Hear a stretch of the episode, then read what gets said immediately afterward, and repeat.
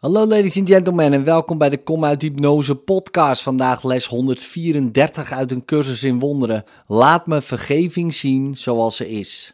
Laten we de betekenis van vergeven eens opnieuw bekijken. Want die wordt snel verdraaid en gezien als iets wat gepaard gaat met een onterecht offer van terechte toren, als een ongerechtvaardigd en onverdiend geschenk en een totale ontkenning van de waarheid. In zo'n zienswijze moet vergeving wel gezien worden als louter een buitenissige dwaasheid. En lijkt het of deze cursus verlossing laten berusten op een grill. Deze verwrongen zienswijze van wat vergeving inhoudt valt makkelijk te corrigeren wanneer je het feit kunt accepteren dat er geen vergeving wordt gevraagd voor wat waar is. Het moet worden beperkt tot wat onwaar is. Het is voor alles irrelevant, behalve voor illusies. Waarheid is Gods schepping en die te vergeven heeft geen betekenis. Alle waarheid behoort Hem toe, weerspiegelt Zijn wetten en straalt Zijn liefde uit. Heeft die vergeving nodig? Hoe kun je het zondeloze, eeuwig weldadige vergeven? De voornaamste moeilijkheid die je ondervindt bij oprechte vergeving van jouw kant, is dat jij nog steeds gelooft dat je de waarheid moet vergeven en niet illusies. Jij beschouwt vergeving als een vergeefse poging om voorbij te gaan aan wat er is om de waarheid te negeren. In een ongegrond streven jezelf te misleiden door een illusie waar te maken. Dit verwrongen gezichtspunt weerspiegelt slechts de greep die het begrip zonde nog steeds op jouw denkgeest heeft, zoals jij jezelf bekijkt. Omdat jij denkt dat je zonden werkelijk zijn, zie je vergeving als een vorm van misleiding. Want het is onmogelijk de zonde voor waar te houden en niet te geloven dat vergeving een leugen is. Al dus is vergeving in feite niets dan een zonde, net als heel de rest. Ze zegt dat de waarheid onwaar is. En lacht de verdorvenen toe alsof die zo onschuldig zijn als gras en zo wit als sneeuw. Ze is bedriegelijk in wat ze denkt dat ze bereiken kan. Ze ziet als juist wie duidelijk verkeerd is en wie weerzingwekkend is als goed. Vergeving is in zo'n optiek geen uitweg. Het is slechts eens te meer een teken dat zonde onvergevelijk is en op zijn best moet worden verborgen, ontkend of van een andere naam voorzien, omdat vergeving verraad aan de waarheid is. Schuld kan niet worden vergeven. Als je zondigt, is je schuld eeuwig. Degenen die worden vergeven vanuit de optiek dat hun zonden werkelijk zijn, worden jammerlijk bespot en twee keer veroordeeld. Eerst door henzelf voor wat ze denken te hebben gedaan en dan nog eens door degene die aan hen vergeving schenken. Het is de onwerkelijkheid van de zonde die vergeving natuurlijk en volkomen zinnig maakt. Een intense opluchting voor degene die haar geven en een stille zegening waar ze ontvangen wordt. Ze gedoogt geen illusies, maar verzamelt die lichthartig met een lachje en legt ze zachtjes aan de voeten van de waarheid. En daar verdwijnen ze totaal. Vergeving is het enige wat staat voor de waarheid binnen de illusies van de wereld. Ze ziet dat die niet zijn en kijkt dwars door de duizend vormen heen waarin ze kunnen verschijnen.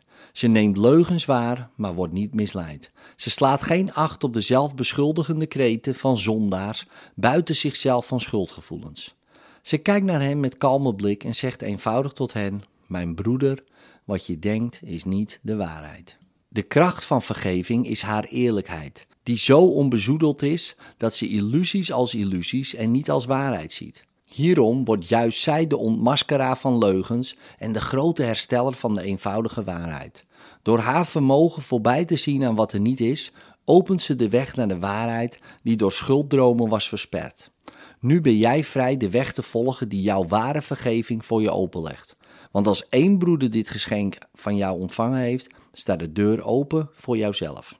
Er is een heel eenvoudige manier om de deur naar ware vergeving te vinden en te zien hoe die ter verwelkoming wijd open staat.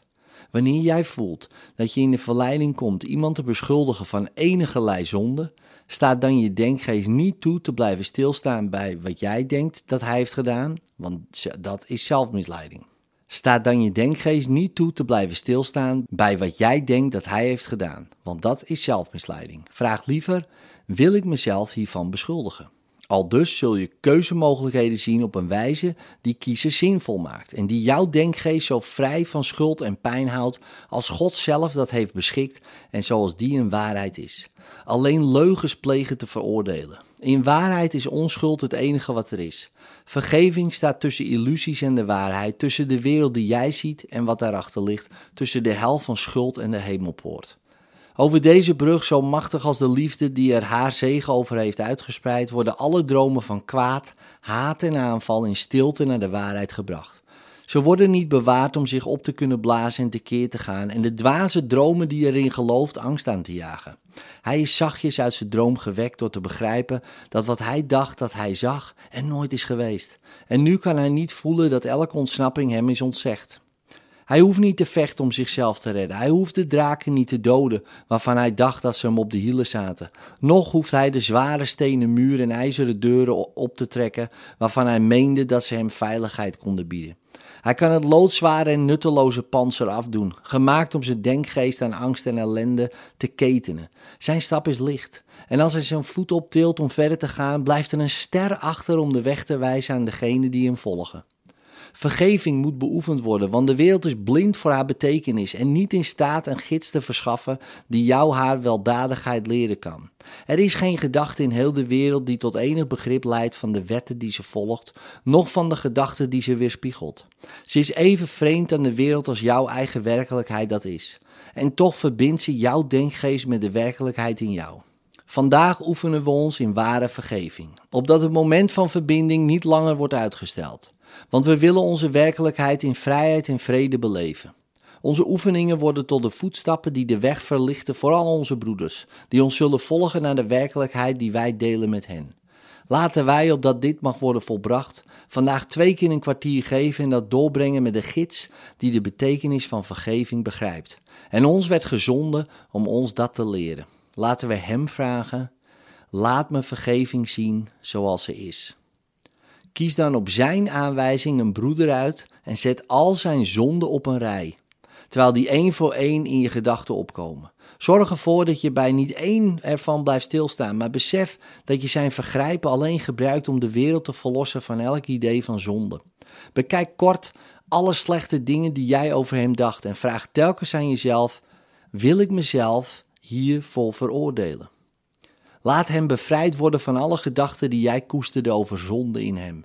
En nu ben jij op vrijheid voorbereid. Als je tot nu toe bereidwillig en oprecht geoefend hebt, zul je allengs een gevoel gaan bespeuren van te worden opgetild, een lichter worden van het gewicht op je borst en een diep en zeker gevoel van opluchting.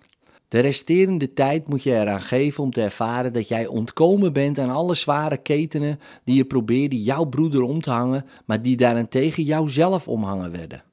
Vergeving moet de hele dag doorgeoefend worden, want het zal nog menigmaal voorkomen dat je haar betekenis vergeet en jezelf aanvalt.